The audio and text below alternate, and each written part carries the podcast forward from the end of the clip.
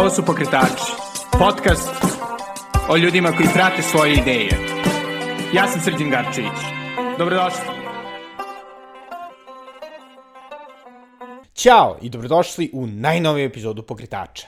Današnji gost je izuzetni Aaron Moulton, kustos, pisac i svojevrsni antropolog koji se bavi savremenom umetnošću i koji je e, skoro u, u Jezdovski galeriji savremene umetnosti u Varšavi predstavio vrlo zanimljivu izložbu koja se zove The Influencing Machine i koja se bavi razvojem aktivističke umetnosti i savremene umetnosti u centralnoj i istočnoj Evropi tokom 90-ih. Sa Aaronom sam pričao naravno na engleskom, tako da se izvinjavam slušalcima.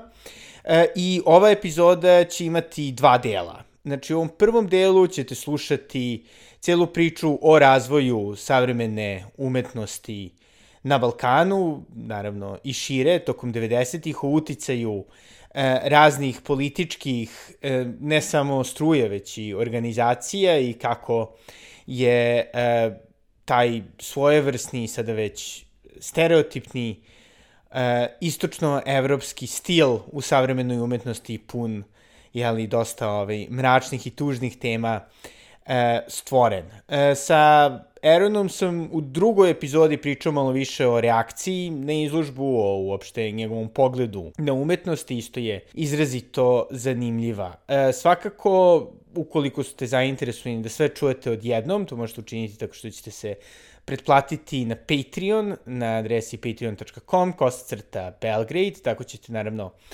i podržati ne samo pokretače, već moj blog The Natural Times, moj Instagram profil The Belgradist e, i naravno me učiniti izrazito srećnim. To je to što se tiče uvoda, a sada ovo je Aaron Moulton. Just before starting this, I was reading your uh, flash art article from I think 2017 about sort of the Balkan Express, and uh, yeah, I mean, how did you become interested in this region? Well, uh, thank you for having me, Srđan. Uh, I'm uh, well. It's a it's a funny thing because I was editor of Flash Art for two years. Uh, it was a position that they hold for a foreign editor, and uh, you're the English editor. You edit the whole magazine, and and what I my responsibility in the magazine was to give exposure to um, all you know give give the museum a global feel and so it was uh, important that there was always symbolic coverage from all over the world and it made me very tuned in to developments within what we call the global art world. And uh, but what was more interesting was to look at places that didn't have markets like the strongest of markets um, and how the, those contemporary art ecologies were functioning. And um, and that's kind of how I started to tune into Eastern Europe. Um, there was this rise in biennials that was happening at that time, and um, and uh, and I just felt that there was a lot of good energy uh, and and w- ways of thinking about art that were outside the box for me um, that led me to just you know get and and also the I felt there was a real relevance to giving coverage like as in like you give you give a, a nonprofit space a review it's going to help their NGO you know support for the next year uh, in terms of getting more funding. So that's the really neutral way I come I come to it. Um, but then you know it's this story uh, that we're kind of here to talk about. I kind of was peppered within that, seeing these clues of an institutional infrastructure from the '90s that that really drew me in uh, in yes. a big way.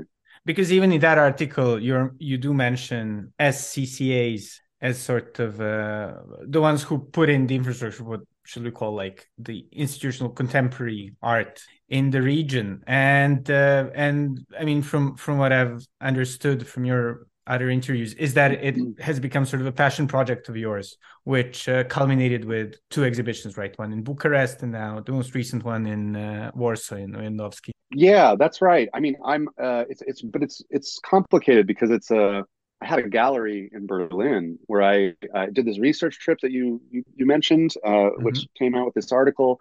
And because of that research trip, I became very close with all these amazing mid-career artists who didn't have commercial representation.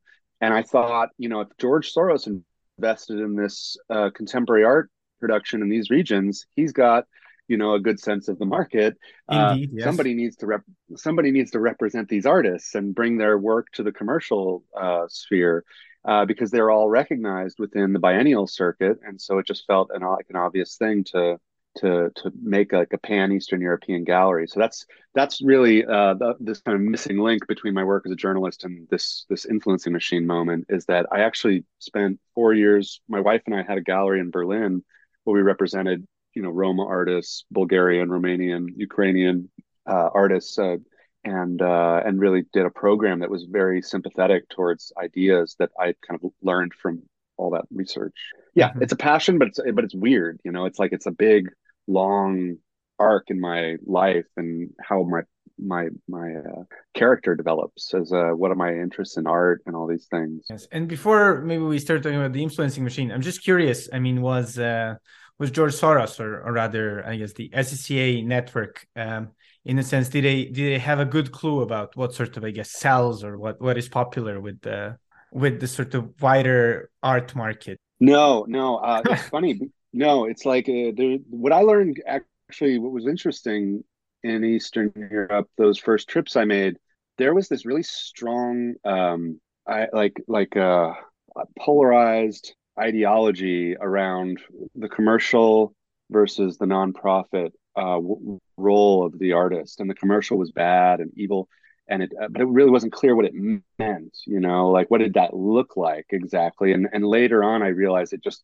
means you know probably quite conventional conservative avant-garde painting or something.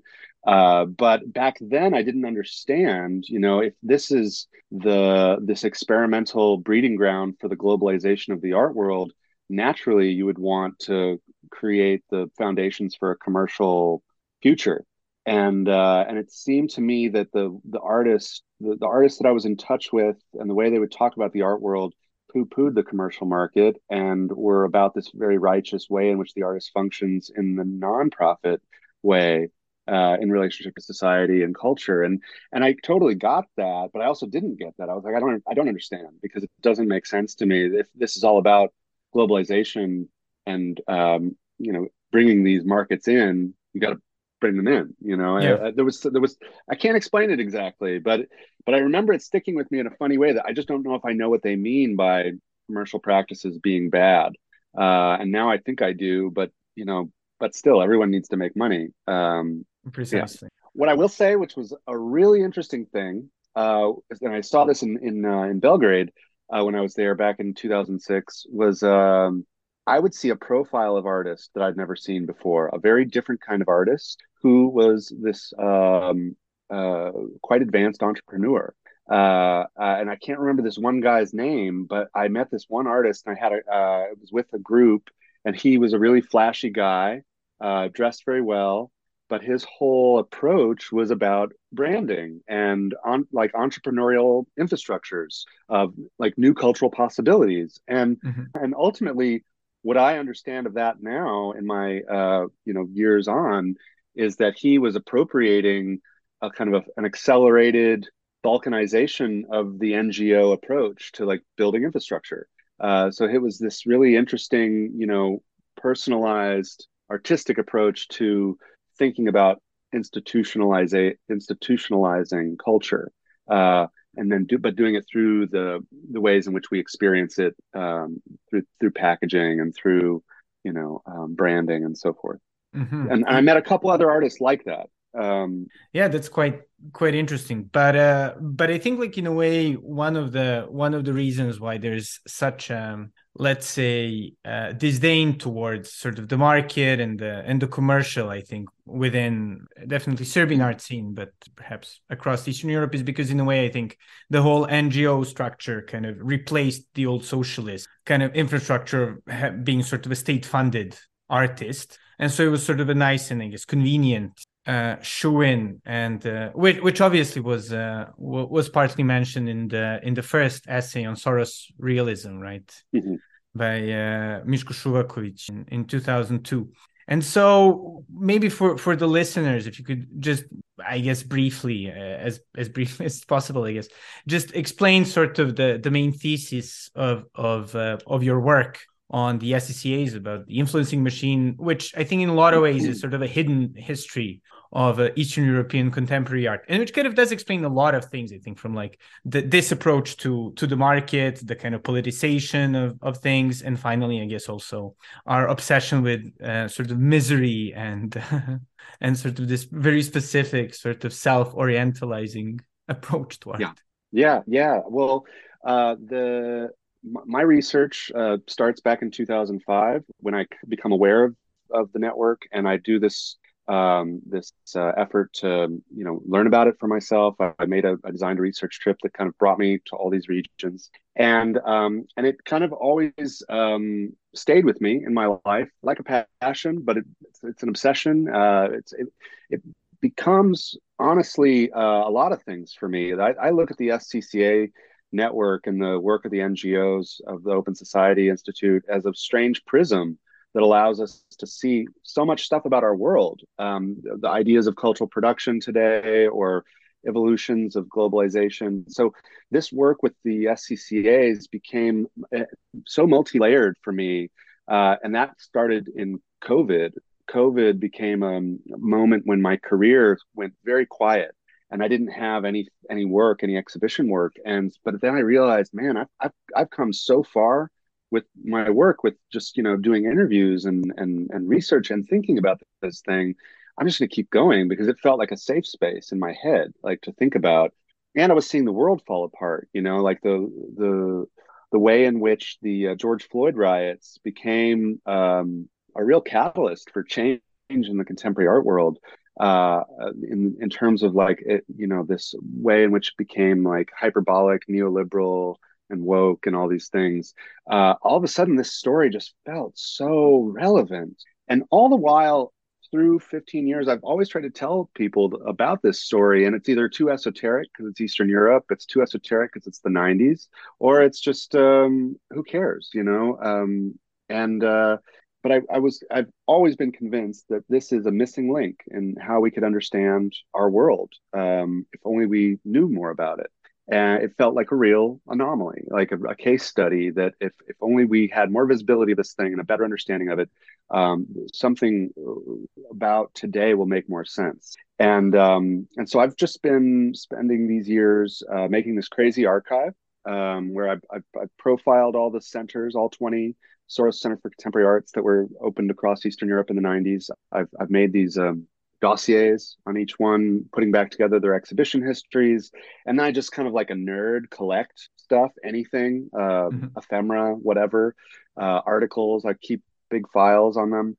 And then, uh, and then I do interviews. I do, I have a huge uh, archive of uh, oral history interviews because a lot of these people are getting old now and they're dying. And, um, and this is the, the, the great uh, dilemma of, of these of blind spots like this in our history um, is they are when when you see that no one's telling this story uh, and then people start dying you know the, the real witnesses of the story start dying it becomes a, a concern that we're going to see a version of this story in the future that has nothing to do with primary information anymore it's going to be pr ultimately uh, public yes. relations uh, strategies more than anything and so i was concerned about this story being allowed to disappear because no one in my art world was ever talking about it and taking the responsibility for it.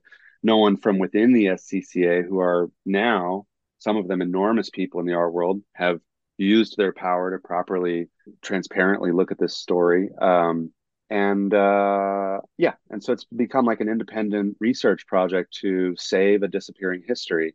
And within that, of course, it becomes the influencing machine, which is a way to then reinterpret all this data as um as a cultural phenomenon. Yes, yes, and in, and I mean, in a way, like what what's really amazing about your exhibition and your work is that it kind of quite clearly lays out what I think a lot of people who have even basic understanding of of the sort of Eastern European art world kind of know, but obviously don't want to say, or at least when they say it, kind of get a bit sort of um, i guess accused of being of a certain political stance or yes anti-western anti-whatever liberal is that in a sense there's this big production of highly politically charged art that uh, that has been pushed since the 90s and i mean has used very sort of innovative and creative media to push this message. And I mean, maybe, I mean, given your sort of work as a curator, um, would you say that kind of diminishes the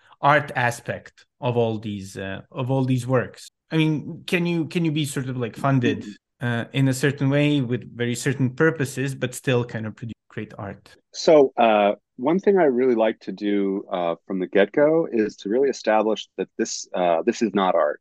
Uh, what happened in the '90s through the Soros network, it very much looks like art. It's it's very much done in the name of art, and it's done using the infrastructure of the art world but when we talk about what you just mentioned, mm-hmm. and we think about the long-term legacy of the cultural production of this, uh, there, uh, this is more, uh, in fact, social engineering uh, experiments than actual art itself. Uh, that's uh, based purely on the the lack of, um, of value that a lot of the, you know, if we think just purely on a quantitative level, the amount of art that was produced during the SCCA period, um, you have um, 20 Soros centers each one of them does an annual exhibition once a year. Some mm-hmm. of them do two because they have a huge, you know, big amount of money left over. In each of these annual exhibitions, you're producing 10 to 30 artworks, and these are artworks that are fully funded by the SCCA, uh, and they're, you know, uh, using some of the most advanced technology of their day.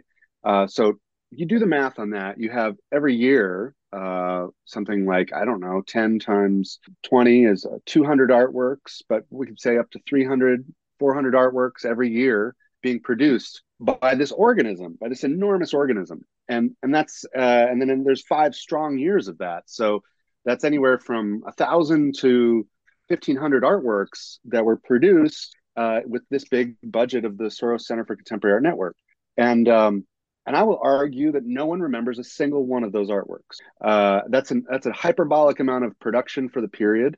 Uh, they're they're yeah, I mean, it's a big thing what I'm saying, but I, I will argue mm-hmm. that many of these great technologically advanced artworks are are forgotten, are not included in our art histories properly, or do not represent what they did back then.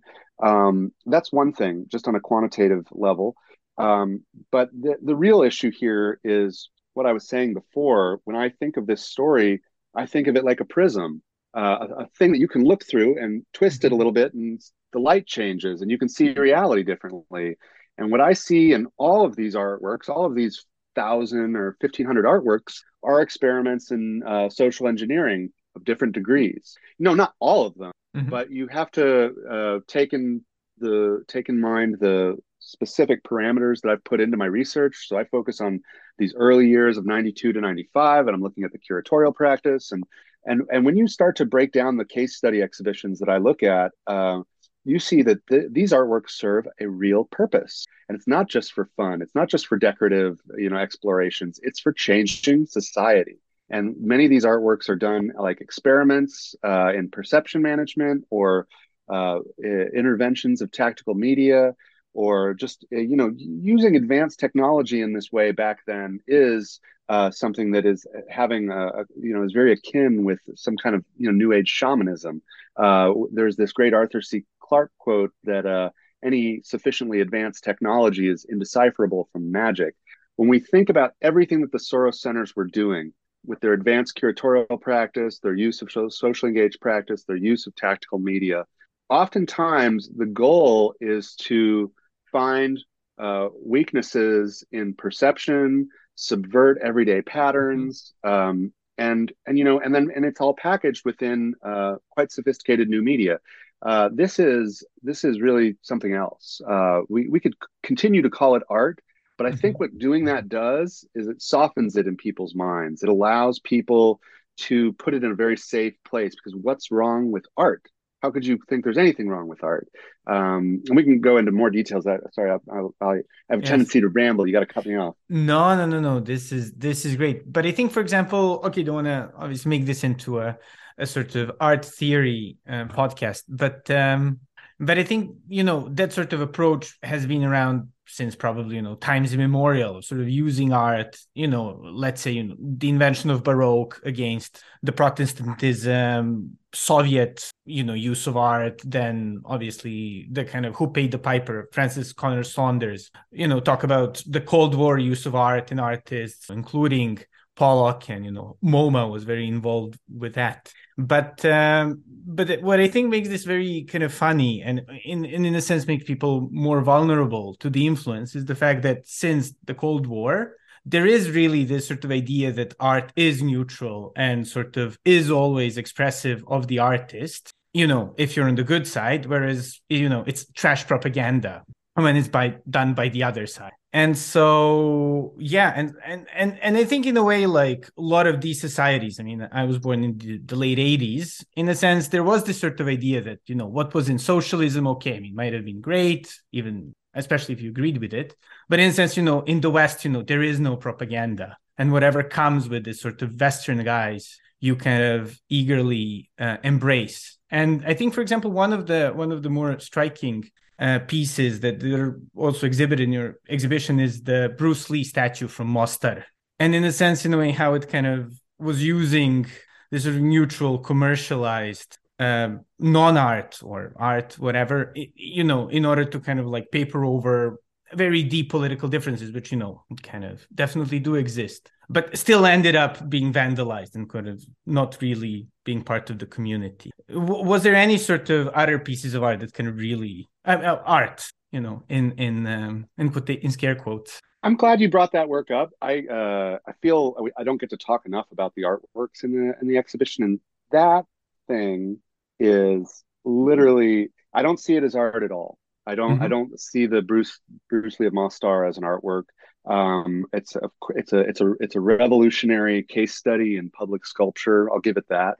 Um, and uh, and you know the the the way that thing comes into being is a true metaphor for this whole thing uh, in terms of how NGOs work, how they engage publics, how they reinvent languages, and how they change society and and how they use art to do that and you're right what you say you know art is always this um this mouthpiece this visual mouthpiece for ideology for different eras of, of religion and and politics and and that in and that we've been kind of we've bought into this notion that the the free will and democratic principles of of the west allow art to be something untamed and uncontrollable that's that's bullshit. I mean, we the art world in its organic democratic paradigm still gets very controlled by influences, and we're seeing it more and more. We're able to see it more and more. Um, but uh, what these are, you know, all of these things are are really about how art is kind of used as this uh, amazing Trojan horse. You know, again, my desire to destabilize us referring to this simply as art is because that's a Trojan horse. That's a Trojan horse that allows you to dismiss this as simply art. Uh, but the, the Bruce Lee of Mostar, uh, the way that thing has worked, uh, if we have to look at the impact that that's had on uh, the, the way in which icons and cultural histories and cultural futures are imagined, uh, is all kind of influenced by this by this small sculpture from Mostar, um, where you had a sudden wave of sculptures that came out of the, the those that decade that have nothing to do with with regional histories anymore or culture regional cultures. They are mascots of popular culture who make people think you know some they allow pe- people take their minds away from the the everyday struggles of what it means to have an identity somehow, uh, or the politics of, of, of the geostrategic struggles. And um, and you know think about Mickey Mouse or something. It's uh, it's it's a really fascinating thing how that artwork successfully is um, thinking about art as a holistic change agent, and but how that ultimately becomes something that that destabilizes our whole language of how we should think about our histories in favor of um, these commercial commercial pop cultural you know candy coated alternatives uh, i don't uh, and i think and i think that's that's the most dangerous thing because in that you have this thing that's destabilizing culture and it's making you a um, addicted to a, a, a mirage mm-hmm. um, yeah but but in a sense in the same way that you know you have bruce lee sort of a, a beloved pop hero in Mostar you also had SCCA's funding uh, kind of art or art scare quotes um, that is sort of very much uh, sort of purposefully very i would say dark engaged with very sort of you know the very dregs of the society kind of deeply probing certain you know uh, taboos within within these countries and kind of putting in place this what i like thinking sort of this like eastern european miserabilism which is kind of you know mm. everywhere of you know poor people running in these like ramshackle towns and maybe for the listeners if you can just explain how that came to be because one of the more striking things that I heard in a lot of your interviews is this. I think it was in in in Romania where uh, there was this open call, which kind of uh, to the artists, which kind of pushed them to actually go to asylums, hospitals, kind of these uh, peripheral places. But then, sort of, the exhibition kind of tried to, uh, let's say, present it as if they kind of did it out of their own volition. How really art is just talking about this sort of marginal yeah, yeah. There's, I mean, and there's a couple of things that need to be addressed here. Uh, these are that that example you're referring to is uh, an exhibition called 010101 01 and uh, and it uh, happens in in like uh, in parallel with a number of other exhibitions that are happening all throughout the network. And this is what I refer to as an anomaly of emergent behavior that happens because of the network. They introduce very advanced ideas of socially engaged practice, more advanced than what's happening in the West, and and completely out of place and out of sync with uh, what's happening in the East. So it's like this uh, this new formula for contemporary art literally arrives in these places like a UFO and uh, and kind of turns the artist's perspective outside of the studio and says, no, you need to embrace social consciousness. And the way they do that is through these open calls. The open calls make the artist uh, make a choice. Uh, it's no longer an open call of whatever I want to do, it's an open call within these guidelines that tell me I need to go and, like you said, work in asylums and in orphanages and uh, Roma villages and so forth. Uh, taking the the practice of the artist and applying it in a way that is now holistic towards the community now, a lot of these guys were painters or sculptors. What did that even mean for them? Uh, so, so, in many cases, they had to go through um, the re-education processes of how they thought, thought about their practice, and this could be simply done through giving a crash course in art history. But these weren't just simple crash courses of art history; these were done with amazing people who are um, also having um, creating amazing philosophies around tactical media uh, Geert Lovink is somebody very close to the story who is considered the father of tactical media, and he was one of the uh, groomers who would go and like help artists develop their practice in this new media landscape. So, um, but what you get is an army of artists who are thinking about their practice in a in a DIY holistic way, uh, holistic towards the society.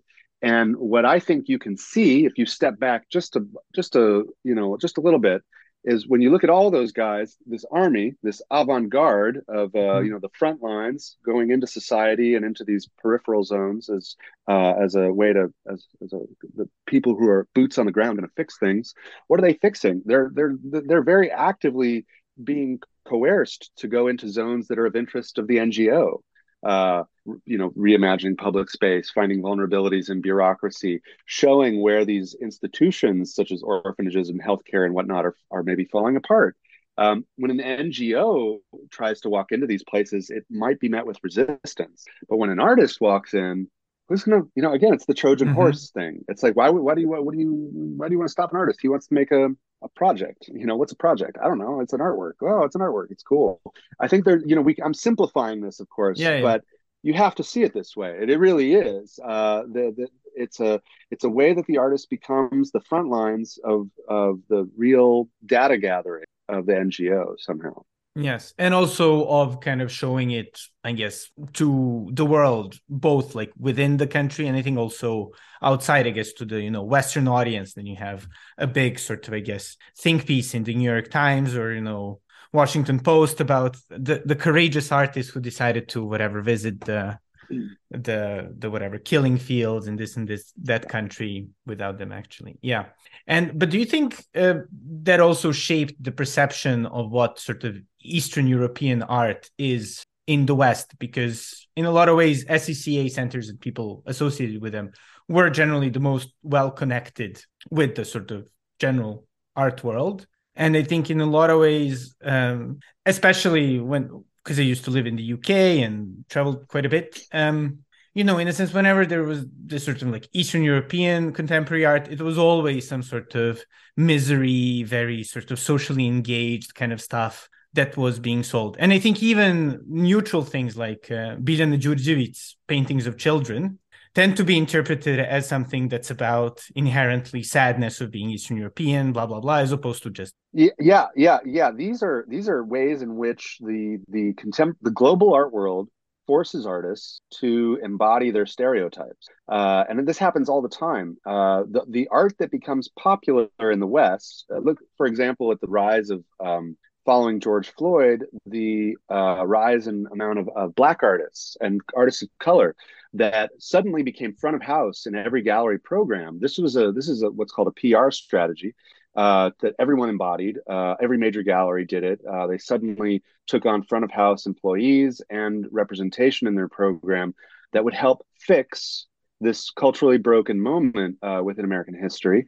Um, but what, what I found to be bizarre uh, in this whole thing, and I thought was uh, really crazy and ironic that no one was talking about, was this movement to support art of people of color uh, who, uh, you know, and what we're talking about here is a, a, a group who have uh, notoriously experienced extreme violence to their physical person, to their bodies, uh, the buying and selling of black bodies, uh, slavery, and so forth.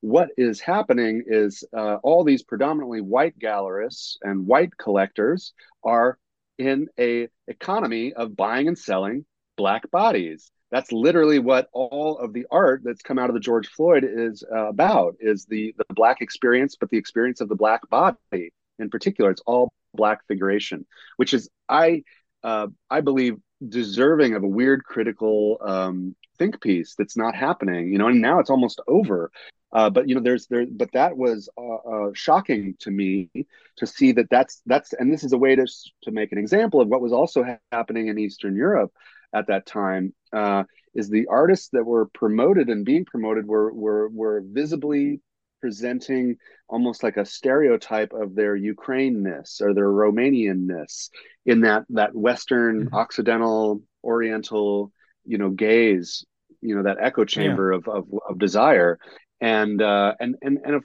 and of course there's more complexity to that Mish, Miško Šuvaković's text really helps uh, break that down almost like a math equation because it's not just this uh, artist simping for western you know uh, fetish mm-hmm. but it's um but there's something really specific that comes out of the soros network uh, which is how artists in their pursuit of identity were encouraged to not choose exactly a national path, but to acknowledge somehow a pro EU, a pro globalization mm-hmm path uh, within your newly autonomous independent place you know the you you you should be advertising the desire for the european union uh, as an underdog that wants to be a part of it.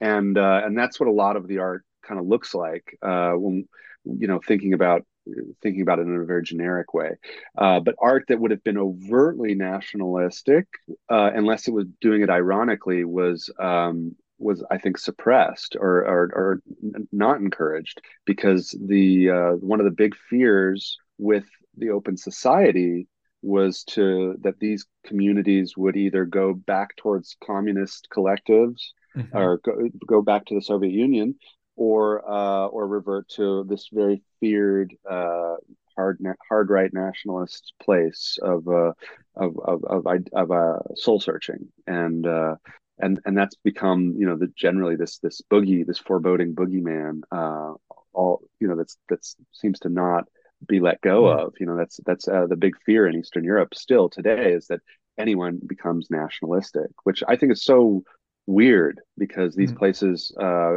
in my mind have always deserved a moment of sovereignty and they're always pushed into another paradigm yes yes and and i think in in a lot of ways to go back again to the uh, Bruce Lee of Mostar. I think it was quite interesting one of the, the instigators of this project, who I think back then was within the um, SCCA in Sarajevo, uh, Nino Raspudić. I'm not sure if you're how familiar you are he, with him. He he was a, a part of a they, they like worked together. They were two different think tanks in a way working together. But yes, yeah. yes. And anyway, I think we started off in is this sort of very, I guess, pro-European sort of way became now sort of a notorious quote unquote Croatian whatever. I wouldn't say nationalist, but conservative. And I think oh, really?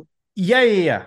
And uh, and I think there are a lot of other people uh, in who were part of um, of of this sort of movement in the 90s, especially in Serbia. Like for example, Dragan Papic, who kind of started to distance themselves very much away from it and kind of to go against it. And but then I think also, I mean, Ujazdowski itself, but but then also I think in a way Kosovo and Albania, they do manage to kind of use this tactical media and this sort of mechanisms of the art world to in a way promote a certain other, I would say maybe more sovereignist uh, view of themselves. I mean, with Manifesta was happening in Pristina, I think Kosovo was very in tune with sort of using contemporary art in kind of promoting its own statehood and history. So I was wondering, how do you how do you see this sort of shift? Do you think that kind of the genie's been let out of the you know bottle in the 90s, and then now everybody's kind of using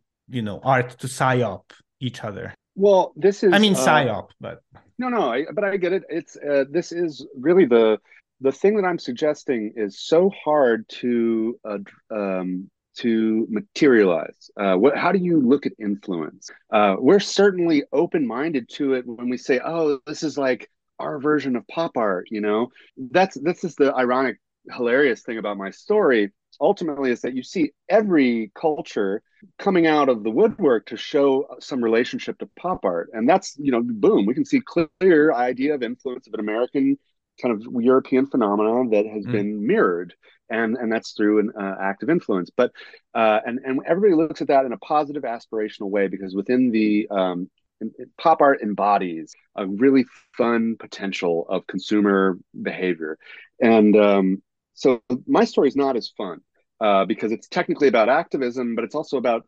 artificially uh, inseminated you know mm-hmm. motivations mm-hmm. of activism. So it's about astroturfing, yes. and uh, and um, and you uh, see this story, uh, the way it unfolds in the 90s, and you talk to anybody, the evolution of open call culture and the emergence of social engaged practice in the UK and in Western Europe and and anywhere else. And it's the late 90s. Uh, there's nothing as advanced as what's happening in the Eastern Europe in the early 90s uh, in terms of curatorial practice, social engaged practice, but even this gorgeous little nugget of tactical media that I love talking about. Uh, so uh, what you are looking at is a um, a domino effect, or uh, you know a um, whatever a um, what do we call those chain reaction, uh, mm-hmm. uh, a viral uh, a viral progression.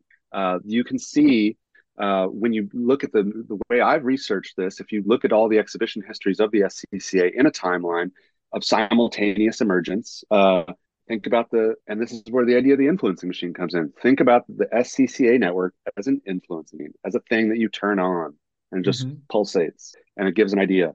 And boom, it infects the whole region with an idea, uh, like coronavirus.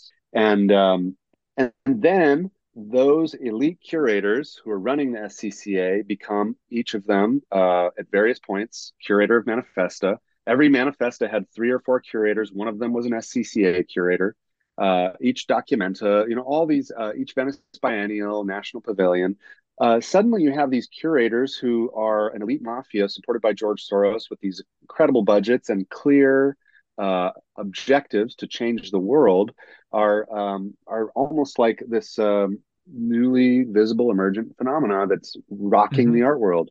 And uh, and when you look at the rise of biennial practice, uh, the, the the gentrification of the global art world with biennials, uh, and then followed by art fairs, um, it's it's obvious how this all happened.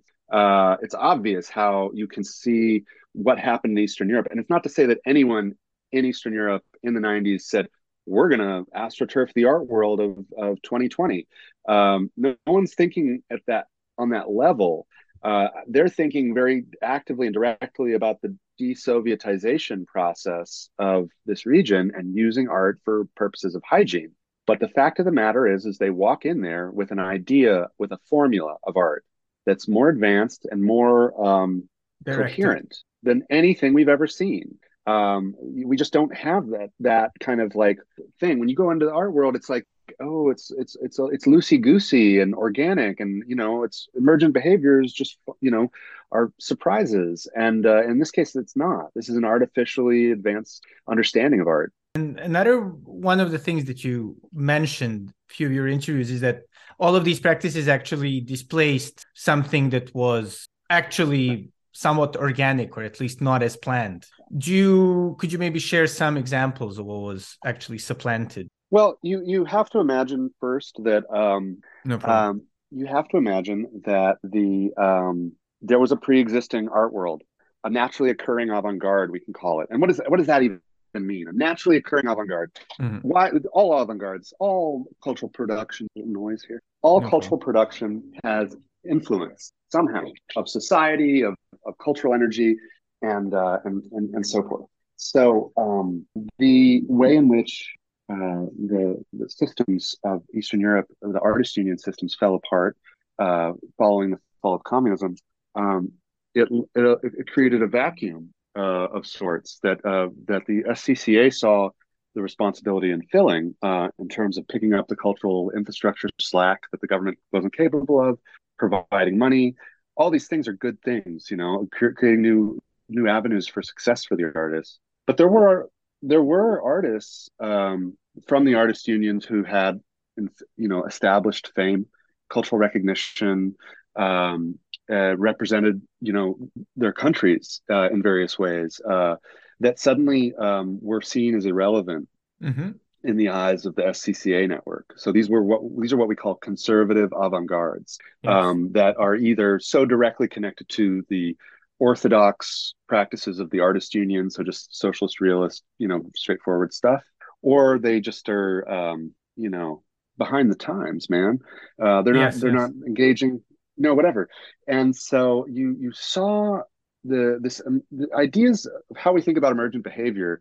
Uh, especially in collective environments, uh, you know, you think about you got to think about it like hysteria you know that there's a chain reaction i do this and then my neighbors do this and then their neighbors do this and and so what you saw was the i think the the, the future was bleak for uh, if, if you were taking this the, the conventional route that was falling apart of the old system. Uh, this was new amazing money and opportunity that was in town uh, you had artists that were dropping their paintbrush and picking up a computer mouse and engaging in new media um, technologies to reimagine their work. And in some cases, uh, in those case study exhibitions as well, uh, going and engaging, you know, uh, society and uh, and cultural collect. Uh, creating social engaged practice and using social consciousness as a medium, um, things that were not a part of their um, their natural uh, environment and natural practice. So that's the broad view way in which you can uh, see what this change agent represented and what it was, uh, and how it led to a lot of people turning their back on their tradition. Mm-hmm. Um, but I think there's a there's another there's a demographic a demographic of artists, and this is uh, almost like what's considered the right wing narrative mm-hmm. of this story. That there's a there's a bunch of artists who should have you know made it and who had you know the the reasonable position within society to make it and who were eclipsed uh, and disappeared uh, because mm-hmm. of this being this conservative avant-garde. Um, you know, the, the, you get a lot of different arguments of um, what was the what was the result of this and yeah. what is the perceived what is the perceived political result of this. Um, so, like a lot of the Polish criticism I would get is that like there's the there's this naive belief that there's a, a there's a right wing fantasy that there's an art world that got eclipsed by this mm-hmm. thing. Yes, Yes, yes. Well, uh, yeah, I think also maybe coming back to to Poland, I think in a sense it's uh, it's a country that has uh, created a bit of a stir in the sort of contemporary art world with uh, with Ujazdowski Castle, as you like to occasionally jokingly call it, as the Ghost Castle or maybe Vampire Castle, Spooky Castle. Mark Fisher. Spooky, ca- Spooky Castle, yeah. yeah. The Mark Fisher's Vampire Castle par excellence. That's so good. Yes. I love. I don't. I never connected that. That's so rad. Thank you. Yeah, and so uh, and so there's a lot of criticism of the current Polish government sort of using contemporary art practices in order to, I guess, you know, show its own view of the world. Uh, do you think that can be? ironically traced back to the SCCAs. I mean, in the sense that uh, that because, for example, Orban as well. I mean, he he was part of the OSI at one point. I'm sure there are a lot of other examples of people being very close to these. I mean, back at the time, right? They were sort of the beacons of career profession, you know, progression and you know, greater things, Harvards and Oxfords and Cambridges of this world. You're absolutely right. I think that this is the amazing uh, long view of this story is that it arrives at the Ujazdowski Castle uh, because this is uh, what I like to call Frankenstein's monster coming home. You know, if we think about this artificially inseminated uh, notion of social engaged practice that's going to be used to take down systemic uh, powered issues within society, um, and uh, and what happens when there's no more closed society? Uh, it starts to go in different directions that uh, that George Soros didn't see coming, because uh, the open society depends on the closed society. Actually, it depends on the yin and yang to exist, and so you have a bunch of um, ways in which that becomes, you know, a new a search for a new boogeyman. Um, you know, uh, be it your conservative Republicans or your uh, corporates or whatever. The but the real reality is um, that social engaged practice um, should not technically be seen as a neoliberal or liberal uh, tool for understanding how art can change society. It should be seen neutrally, like we think of art as an object that, in the hands of the culture, can change society. We don't necessarily get to determine which way that goes, sadly. Um, but people are up in arms when suddenly there's a right wing version of it. And that's this is Frankenstein's monster coming home. You really literally have now these uh, these uh, mushrooming institutions of right wing contemporary art popping up everywhere, and they're mirroring the, the the mainstream contemporary art world's social engaged practice, and they're using it for their own agenda to support their own historical narratives and uh, and to make the changes that they want to see uh, in accordance with their political vision of, of art. And uh, and and now that's seen as um, an act of terrorism in the art world somehow that that could possibly happen. Uh, and and so uh, what is so fascinating for me about this project is that I set out to again stop calling this thing art look at this as the the mechanics of social engineering and art as propaganda or art as a mm-hmm. mask for, for, propaganda. And when you suddenly uh, see it in this this is what everyone is saying about the right wing context anyways but i'm like look it's it's always like that. Uh, you're doing it too and and yeah. when the right wing thing pops up it allows us to see oh yeah i'm doing that too.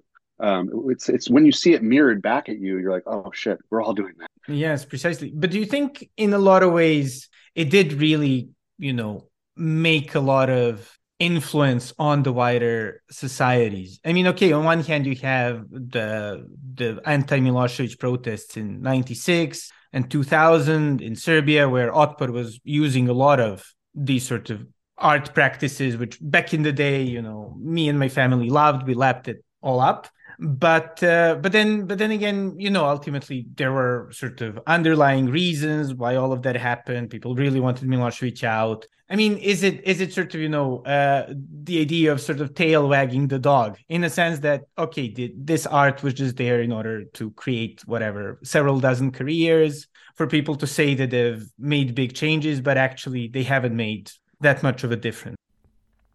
I to je bio Aaron Moulton, zapamtite, ovo je samo prvi deo od dve epizode. U sledećoj epizodi ćemo pričati malo više e, o njegovim inače pogledima na, na umetnost i na reakcijama na izložbu. E, svakako nas da im bilo zanimljivo. To je to od mene za danas i do sledećeg slušanja. Doviđenja.